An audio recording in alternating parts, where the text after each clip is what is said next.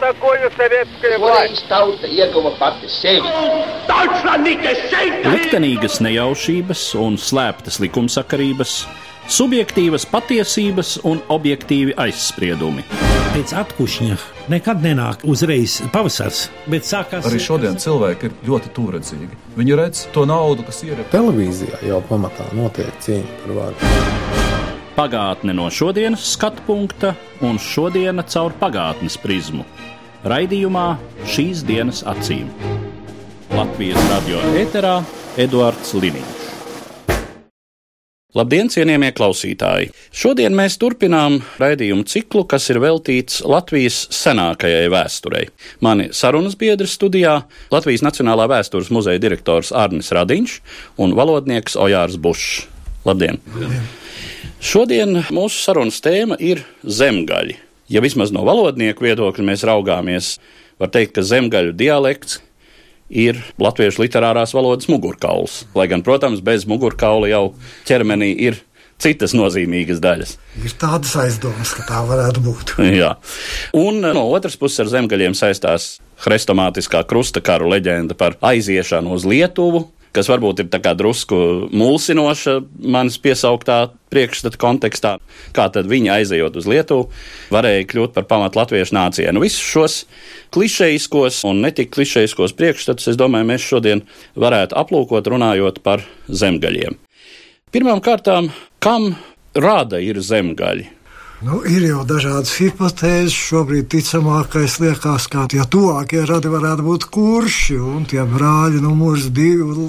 Varbūt kā sēļi, kaut arī par viņiem tik maz zināms, ka grūti spriest. Zemgaļi ir vairāk rada tā kā rietumbaltiem. Uz to pusi, jā, uz to pusi. Jā, atšķirībā no latgaļiem, kas vismaz tie latgaļi, par kuriem mēs runājam Latgales dienvidu austrumos, kas ir diezgan izteikti austrumu balti. Nu, kaut gan jau pirms gadiem, 40, 50, neviens nešaubījās, ka zemgaļa kurš ir austrumu balti, un internetā vēl joprojām šādu informāciju var atrast. Lai klausītājiem būtu skaidrāks, par ko mēs vispār runājam, runājot par rietumu baltiem un austrumu baltiem, pie rietumu baltiem valodnieki pieskaita pirmām kārtām senprūšus, un viņu tuvākos radus, Latvijas sūdus un skalvus un tam līdzīgi. Jā. Par visām pārējām ciltīm savulaik bija stingra pārliecība, ka tie ir austrumu balti pēdējo 50 gadu laikā ar vien vairāk vedas pie rietumbaltiem pieskaitīt pirmkārt jau kuršus, mūsdienās jau nu, gandrīz ar 90% pārliecību. Nu jā, par kuršiem tas tā bija jau pirms gadiem 20, kad es mācījos valodniecību. Kuršus jau diezgan noteikti skaitīja pie nu, rietumbaltiem. Par zemgaļiem, jā, par zemgaļiem gan toreiz man teica, ka tie ir tā kā drīzāk austrumbalti. Un šajā schēmā, kur tad ir lietuvieši? Lietuvieši tad it kā ir tas austrumbaltu kodols kopā ar latgaļiem. Kāda ir arheoloģijas priekšstata par zemgaļiem?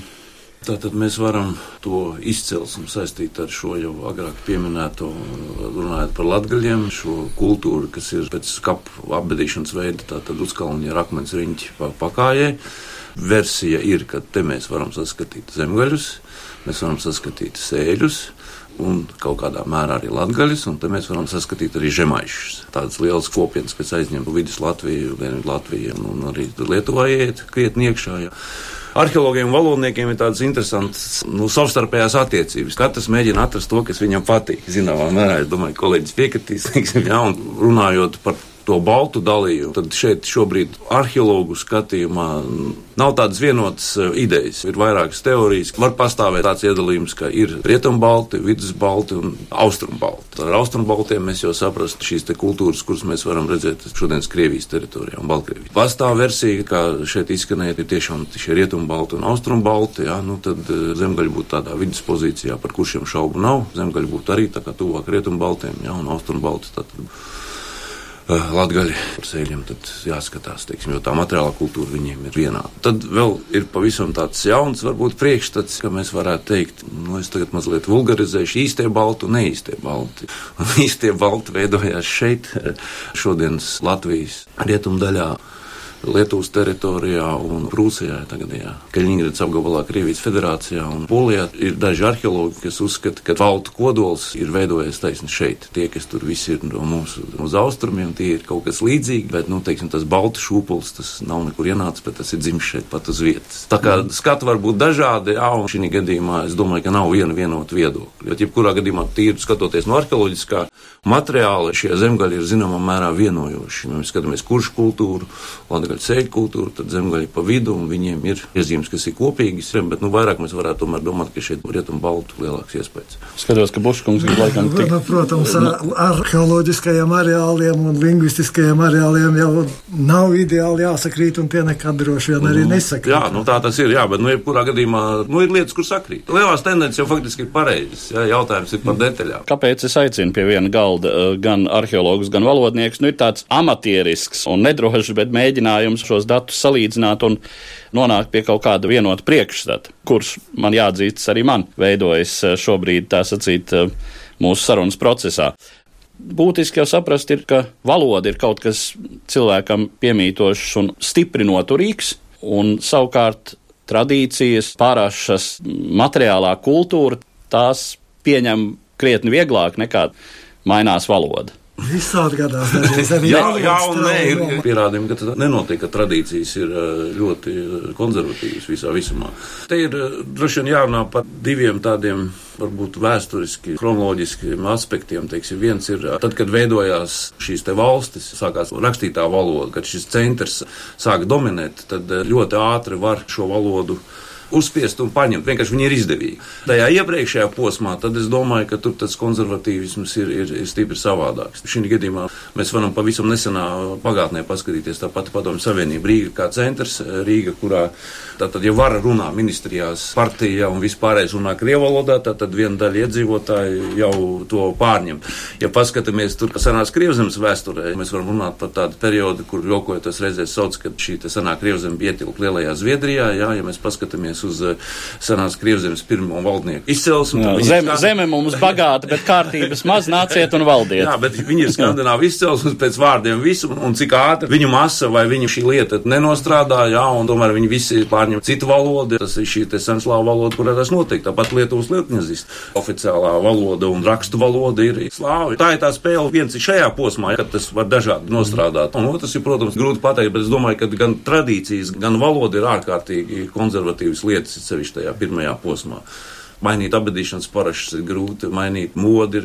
Ja š- paskatās šodienas pasaulē, nu tie paši arābi ar savām ā, čadrām un musulmaņiem, ja, tā arī ir tradīcija, kas it kā ir nu, novilkus līdz šodienai, ja, ir pavisam cita pasaule, bet vienalga viņi ir ārkārtīgi dzīvotspējīgi. Ja. Vēl viens aspekts ir tas, ka valoda kā kādas kopienas primārais identifikators darbojas kādus pārsimtus gadus. Kopš mēs runājam par nācijām, nacionālām valstīm un, teiksim, valodiskā piederība kā cilvēka valstiskās identitātes pirmais un galvenais faktors darbojas salīdzinoši nesen. Pirms tam bija citi, bija vai nu tīri politiskie, tas ir ķēniņš vai dinastija, kas šo zemi pārvalda, Un otrs variants - reliģiskais moments, piederība pie kaut kādas reliģiskas un, plašāk runājot, kultūrālas kopības. Mums šodien šķiet, ka valoda tā ir tauta, gandrīz viens pret vienu. Tajos laikos tur darbojās Nē, nu, citi principi. Nu, paskatīsimies pašu savu vēsturi. Faktiski latviešu valoda un latviešu kā nācija ir ļoti jauna parādība. Mēs varam teikt, ka mēs šeit dzīvojam ļoti sen, bet faktiski tas ir ļoti nesen, 200 gadi. Ja to pašu Matīs Kaudzīt parakstu laika biedrs, kad latvietis sevi par latvietu neapzinājās, ja, viņš zināja, ka viņš ir zemnieks, viņš zināja, ka viņš tur būtu ir katolis, viņš zināja tur vēl kaut ko, bet tas nav. Vēl viens aspekts, piemēram, mums ir Livonijas kopība, kas Latviju un Igauniju vieno. Tā ir Livonijas kopija. Viena šī kultūra, šī viena tradīcija. No valodas viedokļa mēs ar lietuviešiem esam jā, brāļi tautas. Bet, ja paskatāmies tajā kultūras viduslaika slānī, kas tur notiek, tur pavisam kaut kas savādāks. Pat mentalitāte. Jā, un pat mentalitāte. Pat tās ir nesenas pagātnes lietas, Mm. kas ir ļoti spilgti šodien atstājušas iespēju. ja mēs tiktu galā arī ar chronoloģiju daudz maz, ar kuru gadsimtu mēs runājam par zemgaļiem šeit Latvijā un kā ir notikusi tā viņa izplešanās Latvijas teritorijā. Nu, varbūt viens tāds nu, izējas dati, ja mēs varam runāt, ir 5. gadsimts. Mūsējais 5. Jā, gadsimts. Mūsējais 5. gadsimts, tas varbūt ir tāda robeža šķirtne. Mēs varam saskatīt ātrāk tur dažus gadsimtus. Jā, mēs varam teikt, ka ir šie pirms zemgaļi vai prozemgaļi, bet, teiksim, ar 5. gadsimtu mēs pilnīgi droši varam runāt par zemgaļiem kā, kā tādu, nu, arheoloģisku kultūru, kas ir izdalījusies, jā, un kas ir ar saviem līdzinējiem kaplaukiem. Tad tur ir dažādi šie pārveidojumi, kas notiek, un tad mēs varam nu, šo pārmantotību skaidri redzēt, kā tas notiek līdz pat 14. gadsimtam. Jā. Un uh, teritorija, Teritorija ir, protams, ļoti interesanta lieta. Man jāatgriežas pie jautājuma par šiem uzkalniņiem ar akmens riņķi, apbedīšanas veidu izglīto kultūru. Tātad viņa aizņem ļoti plašu teritoriju. Stipri iet Lietuvā, tur līdz Novembris augštecei. Tur mēģina saskatīt žemaišu priekštečus. Tā diezgan interesanti liela paralēla starp žemaišiem un zemgaļiem. Nu, viņi tā kā nodalās vēlāk, bet pācīm redzot, tur eh, kāda radniecība pastāv. Un Latvijā tātad mēs eh, varam runāt par šo kultūru visā pāri Daugavai, tad šajā krastā kaut kur nu līdz Cēsīm, Lubāns ezers, tad ir šis klasiskais sadalījums, ko latviešu arheologi lieto rietumu un austrumu grupu. Tātad, nu, viena pazīme ir vieniem ir cirvi ar kārcaurumu, tas būtu šiem te latgaļiem sēļiem, un šiem zemgaļiem būtu šī pazīme, ka viņiem ir uzmausts cirvi, tātad cirvis bez kārcaurumu. Un te ir tāda interesanta lieta, ka pēc šīm abadīšanas parašām, pēc kapa inventāra mēs varam nofiksēt vidzemē, tas ir Rīgas, Ogres un, teiksim, nu, Cēs rajons daļai, varam nofiksēt šos pieminekļus, kuri, nu, uzrāda ļoti izteikti šīs zemgaliskās pazīmes šajā agrajā attīstības posmā, bet tā starpība ir tāda, ka, ja tajā Daugaus otrā krastā vai ap Daugau jau 5. gadsimtā no šiem te uzkalniņiem ar, ar akmens riņķi pāriet uz abedījumiem kapu bedrēs līdzenos kapu laukos, tad tur šī abedījuma turpinās, nu, līdz 7. gadsimtam. Kaut kur ir tāds posms, 5. un 7. ka viņi eksistē, pēc 7. gadsimta šie pieminekļi izzūd.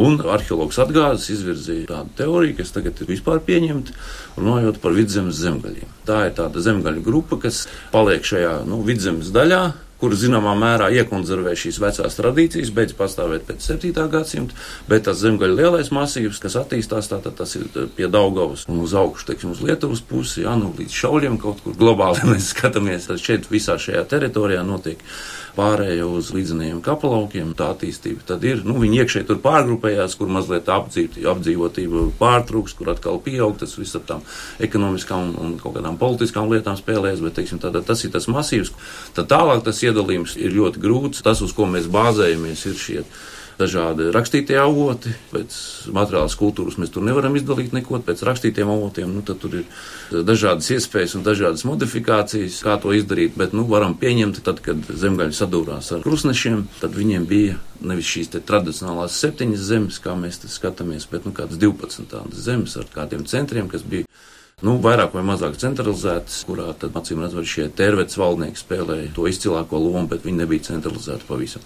Tā būtu tā bāze, kas eksistē, kur mēs zemgājus redzam ļoti lielā teritorijā, ļoti spēcīgi, ļoti izteikti, materiālā kultūra, pietiekami daudz atceram no cilvēka resursu. Un, protams, jo mēs šis te leģenda par krustakariem, nu viņi ir tie, kas cīnījās. Par to viņi arī cieta. Tad ir tas nākošais stāsts attiecībā pret valodu, kā tā valoda saglabājās vai nesaglabājās. Kas tad notika to krustakara rezultātā? Kronikas saka, tur tūkstnesis palika, no acīm redzot, kaut kādi iedzīvotāji tomēr ir palikuši, nu, pēc sidrabenes nodedzināšanas aiziešana uz Lietuvu.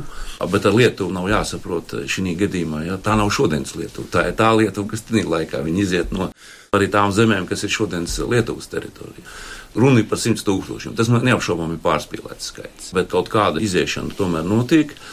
Ir tāds Lietuvas galvaspilsētas Kernavas apgabalā, gan arī Kaunas apgabalā, tur un, un vēl dažās vietās mēs redzam, ka šajos abadījuma vietās ir cilvēki ar, ar zemgalisku izcelsmi, jo pietiekami pēc materiālās kultūras var atpazīt. Lietuvas valdnieki sevi uzskata reizēm arī par zemgalis valdniekiem. Nu, un varbūt vēl viens aspekts, kur mēs varam runāt par zemgali kā tādu savienojošu lietu, ir tas, šīs vietas jau nepalika tukšas, šīs vietas tika aizpildītas. Un, piemēram, viena no lielākajām Latvijas pētītajām kapsētām, Dobeles kapsēta, parāda to pēc abadīšanas parašām, pēc materiālās kultūras, ka tā ir tāda zināma kaltu vai sakausēta, kur e, gan ieplūdušie latgaļi, gan droši vien sēļi un kas vēl citi, kad viņi pārvēršas par vienu kaut ko, veidojas viena jauna materiāla kultūra. Šajā nozīmē varbūt zemgala arī ir interesanti no tā, ja mēs zinām, ka ziemeļu kursa padevās, tur faktiski šī iedzīvotāja tāda izplūšana masveida nenotika. Tas bija kuršu uh, lielās saglabāšanās vārdā un zināmā mērā tas bija pareizs politisks lēmums, acīm redzot, ja salīdzinām ar dienvidu kursu. Un mēs zinām, ka bagātā kurzemē, ja, zināmā mērā var pateikties tam, jā, un kurš ķoniņi saglabājās. Latgaļa arī nemaz tik īsti necīnījās, aizgāja eh, līdz Rīgai, nozaga dažus zirgus un atgriezās atpakaļ, un kas tur vēl bija, bet visā visumā tas notika uz šo valstu padošanās līmeni, un tad zemgaļa cīnījās. Un zemgaļa deva to iespēju ieplūst viņu teritorijā un, zināmā mērā, sakausēt šīs etniskās vienības. Ja, un tas dobels kapsēts piemērs ir ļoti, ļoti pamācošs. Par zemgaļu migrāciju runājot, vēl ir tās uz valodiskām pazīmēm identificētās grupiņas, kas aizceļoja gan uz lejas kurzem, jeb dienvidu rietumu kurzem, gan pēc kāda laika tālāk arī uz kuršu kāpām, veidojot vienu no kursenieku pamatelementiem. Ir tādas sīka, bet ļoti raksturīga un sīksta valodas parādība, viena no nedaudzajām, ko stingri identificēja zemgaļiem. Tā saucamā anaptiks, tas tāda izruna kā ziraks un terevetene, un tā tieši iezīmē šos areālus tad faktiski jādomā, ka tie zemgaļi, par kuriem mēs runājam vidzemē, šis tā kā tur palikušais zemgaļa atzars, kā mēs to jau faktiski pagājušā sarunā konstatējām, tad kultūrāli. Acīm redzot, pārņēma latgaļu identitāti, kopīgo, kas veidojās Daugaus labajā krastā, bet spriežot atkal no valodas datiem, tad valodiski saglabāja šo zemgalisko izrunu nodaļai nevairs tik tīri. Tur no tās pašas anaptikas tur ir parādiskas tādas atblāzmas. Jā, Jā bet nu, jebkurā gadījumā mēs nevaram runāt, ko mēs iepriekšējā reizē jau atzīmējām, ka latgaļu apdzīvotā teritorija, ja, ko mēs kā arheoloģiski varam pateikt, materiāla kultūra ir vienāda, bet valodā, acīm redzot, tiešām ir šīs divas daļas, viena ir šī austrumu un viena šī rietumu daļa.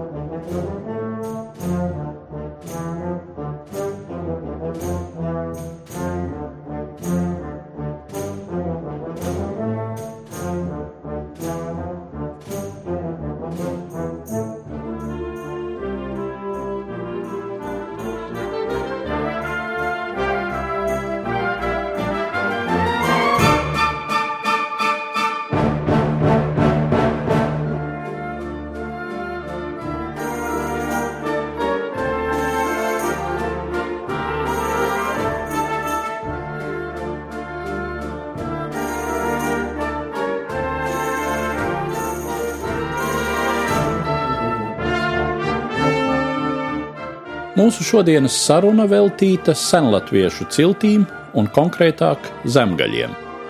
Mani sarunbiedri studijā Latvijas Nacionālā vēstures muzeja direktors Arnis Radiņš un valodnieks Ojārs Bušs.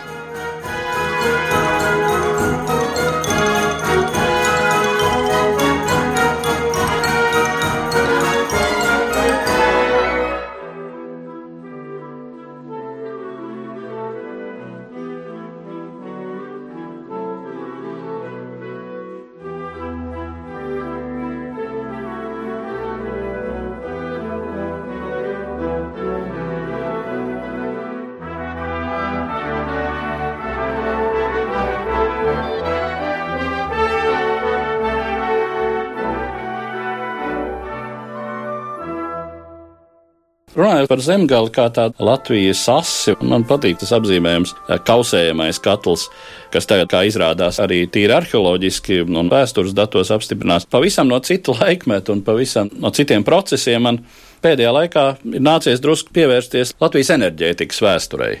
Tātad, kā Latvijā ieviesās elektrība pagājušā gadsimta 20. un 30. gados, kur tad pirmām kārtām parādās pirmās elektrostacijas, kur parādās pirmie kaut kādi tīkli un savienojumi. Tad pirmām kārtām tā ir Rīga, un pēc tam tas notiek zemgalē, tad aiziet savienojums uz Liepāju, un otra tāda liela josla iet uz ziemeļu austrumiem, cēsu pusi līdz Valmierai. Apmēram šāds tas pirmās elektrifikācijas areāls Latvijā veidojas. Un man jau, protams, uzreiz šī karte prātā zīmējis, un es skatos, jā, bet tas diezgan precīzi atbilst arī vidus dialekta šai veidošanās schēmai. Ir kaut kāda tā Latvijas ass vai maltuve vai kausētuve, ja, kas tiešām lielā mērā atbilst tādai joslai, kas no zemgales stiepjas vienā virzienā kaut kur uz dienvidu kurzem uz Liepāju, otrā uz ziemeļa austrumiem, Cēsis, Valmiera tur jau nav nekādas mistikas visā tajā. Nu, tas ir auglīgākās zemes, un kas visvairāk tādu vai citādu iemeslu dēļ ir tiecīgas uz lielajiem ekonomiskiem tirdzniecības centriem, kas pirmkārt ir Rīga un Liepāja. Nu, nu jā, jo mēs jau varam paskatīties arī uz krustnešu iekarojumu. Latvija faktiski ir krustnešu iekarojuma biznesa plāna rezultāts. Ja mēs tā paskatāmies, ir vajadzīgs Daugavas ceļš, tātad cik tālu pa Daugavu abas krastas, lai varētu kontrolēt, viņi varēja aiziet, nu, tur viņi palika. Pēc tam tālāk ir gaujas ceļš, kas ved atkal viņiem vajadzīgā virzienā, cik tālu tur aizgāja, noturēja, nu, aizskrēja līdz pleskavai, bet uh, nevarēja paturēt. Un tad ir piekraste, kur atkal viens ceļš, šī Latvijas un Lietuvas robeža, tā ir robeža, kurā apstājās krustneši. Vairs nebija liels jēgas tālāk tur plēsties, tāpēc, ka ja tas Daugavs ceļš bija.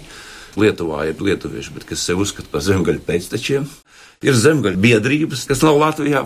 Un, ja mēs tā paskatāmies, tad no ekonomiskā viedokļa šobrīd atkal šauļi, jonišķi un kas tur vēl, viņi ir tā kā vairāk Rīgai pietuvināti kā Viļņai. Rīgas lidosta ir izdevīgāk, tuvāk, iepirkties, braukt ir izdevīgāk uz šieni kā uz Viļņu, un atkal spēlē kaut kādu attiecības, kurām mēs varam saskatīt milzīgas vēsturiskas pagātnes parādību. No savā laikā, kad es vēl biju pavisam jauns, bija tādas baltu vēstures konferences, kas ļoti žēl, kad ir eh, pārtraukušas. Vienā no viņiem, man liekas, bija lietuviešu arheologs Tautāvičs, uzzīmēja visu šīs kartes, eh, kur te dzīvoja sēļi, Lietuvas, te, te dzīvoja kurši, te dzīvoja zemgaļi Lietuva. Un, un tad viņš saķēra galvu un teica, kur tad tie lietuvieši dzīvoja? Viņa vairs nav.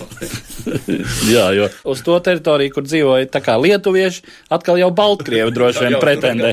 pretendē. Jā, vai tad no Prūsijas puses. Mums ir vēl viena epizode Zemgals vēsturē, kad viestarts tika uzaicināts uz Rīgas sarunām ar Modems Vilhelmu. Ja viņš būtu labi vedis šīs sarunas, nebūtu turējies pie savām tradīcijām, ja teicis, ka es gribu būt karalis, es kristīšos. Jā. Būtu bijis tik saprātīgs kā Mindaugs. Kā Mindaugs, teiksim, tad varbūt mums arī būtu cita vēsture, jo militāri un no dažādiem resursiem viņiem bija potenciāls izveidot kaut ko vērā ņemam. Bet, nu, diemžēl, neviens no mūsu tā laika valdniekiem neizrādījās pietiekami tālredzīgs vai pietiekami pasauli apkārt redzējušo procesu saprotošs. Un tas, kas visvairāk satriec, ka reizēm šīs lietas tā ir tāda sīka kaut kādu problēmu atrisināšanu. Ja tas pats kalpo, ja viņi padzina, tad viņš aiziet pie stiprākā un ar tiem atgriežas. Bet tā ir tā vismaz manā izpratnē sīkmanīga rēķina kārtošana, bet viestartam bija iespēja. Pēc tam viņš jau no sākuma diezgan labs spēlētājs bija. Viņš tomēr ātri saprata pirmos kaut kādus desmit gadus, ja viņš tur mēģināja atrisināt kaut kādas savas lietas ar vāciešiem sadarboties ar šiem krustnešiem. Bet atkal ne tajā lielākajā izpratnē, bet tajā sīkajā izpratnē. Tur aizsardzība pret lietuviešiem, tur atrisināt jautājumu, ko pret to, bet jebkurā gadījumā šī dūša viņiem bija tāpat kā kuršiem, un tās visas kaujas, kur viņi ir piedalījušies, tās ir lielas, varenas. Un, un bieži vien arī uzvarētas. Bieži vien arī uzvarētas, jā, viņi nekautrējās. Daugaugrības cietokšana, jeb klosteru nopostīt, viņi nekautrējās atklātā kaujā iesaistīties, tā kā potenciāls bija. Diemžēl pietrūk šīs diplomātiskās varēšanas lēšanas, jo būtībā jau dabūt no pāvesta karaļa kroni. Pasludināt sevi par uh, Svētās Romas impērijas ķēzara vasali, kas būtībā bija arī tikai formāli, jo nekādu īpašo varu šis ķēzars šeit Latvijā realizēt droši vien nevarētu.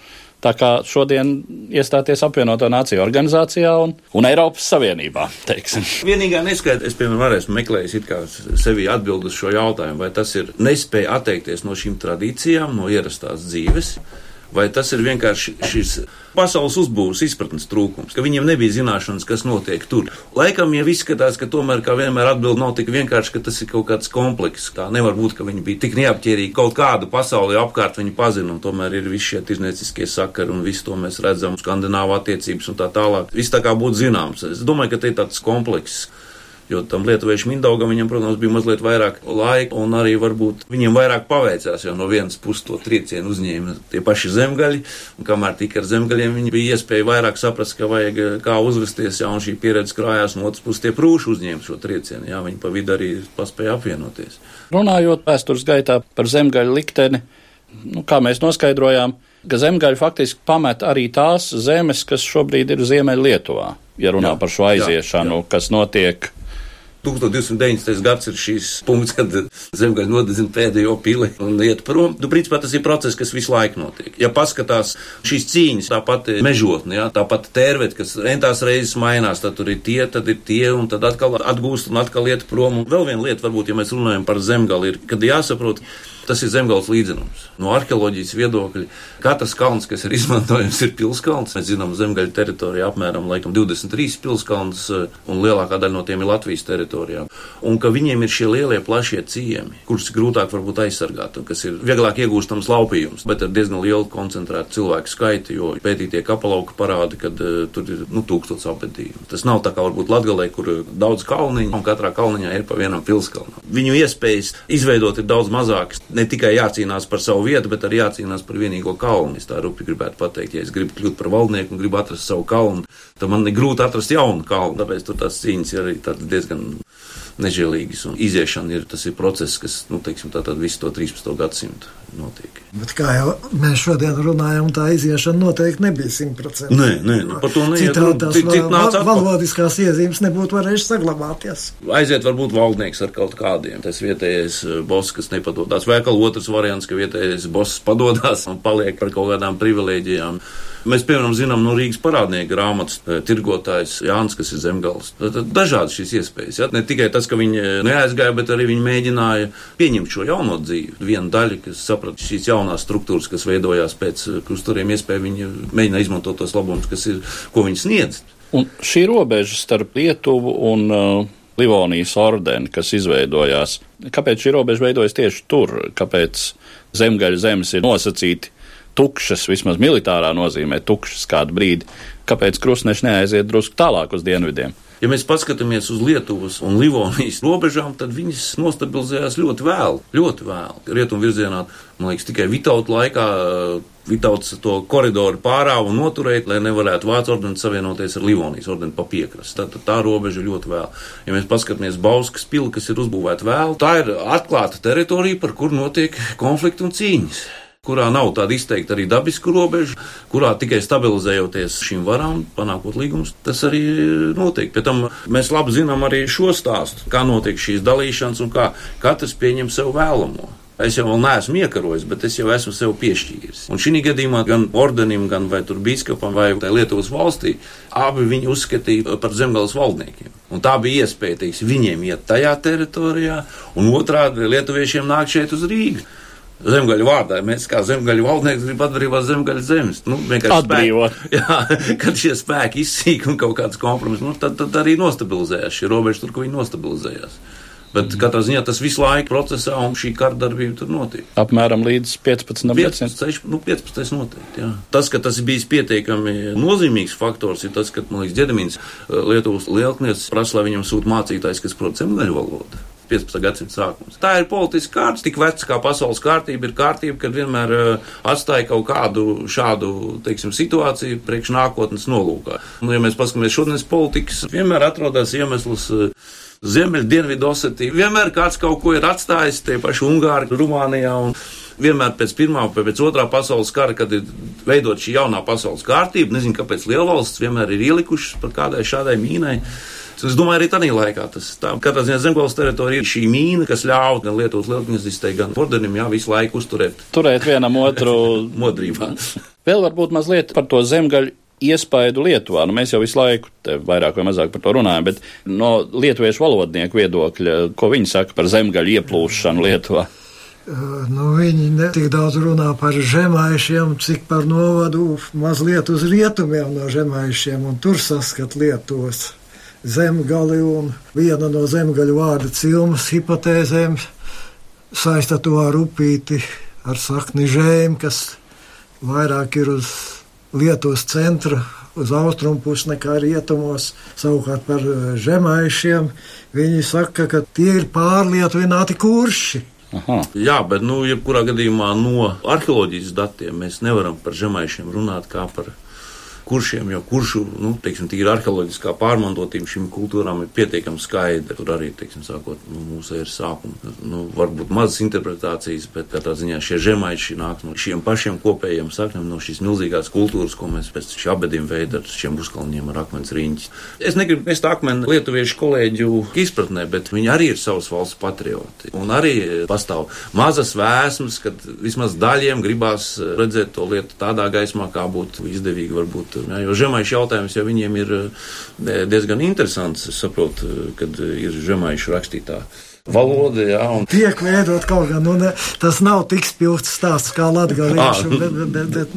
Ja mēs paskatāmies uz to pašu krusnešu vēsturi, tad Lietuvas lielkņas to žemaiši te brīžiem atzīst, neatzīst. Tā bija tāda izmaināmā kārts atkal šajās attiecībās starp Vācu ordeni un visos tajos karos. E, žemaiši kā pagānu, tad vienu brīdi mēs viņus aizsargājam, vienu brīdi nē, tad viņi paši par sevi. Tā ir ļoti ilgi tāda problēma. Šie žemaiši ir kaut kas savādāks, kaut kas īkmi, viņi nav kurši. Ja? Un no tās arheoloģiskās izpratnes tā ir viena viena patstāvīga etniska vienība, kas arī ļoti cietusi, ļoti spēlējusi un kas, principā, es saprotu, ir saglabājusi savu savdabību arī nu, šodien.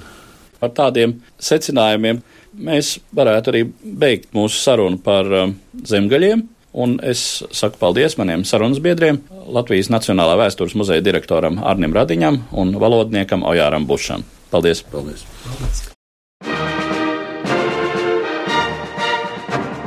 Par pagātni sarunājas Eduards Līniju.